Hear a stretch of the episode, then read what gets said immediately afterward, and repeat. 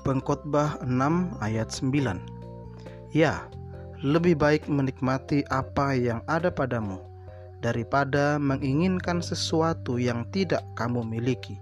Semuanya itu sia-sia, sama seperti orang yang berusaha menjaring angin. thank you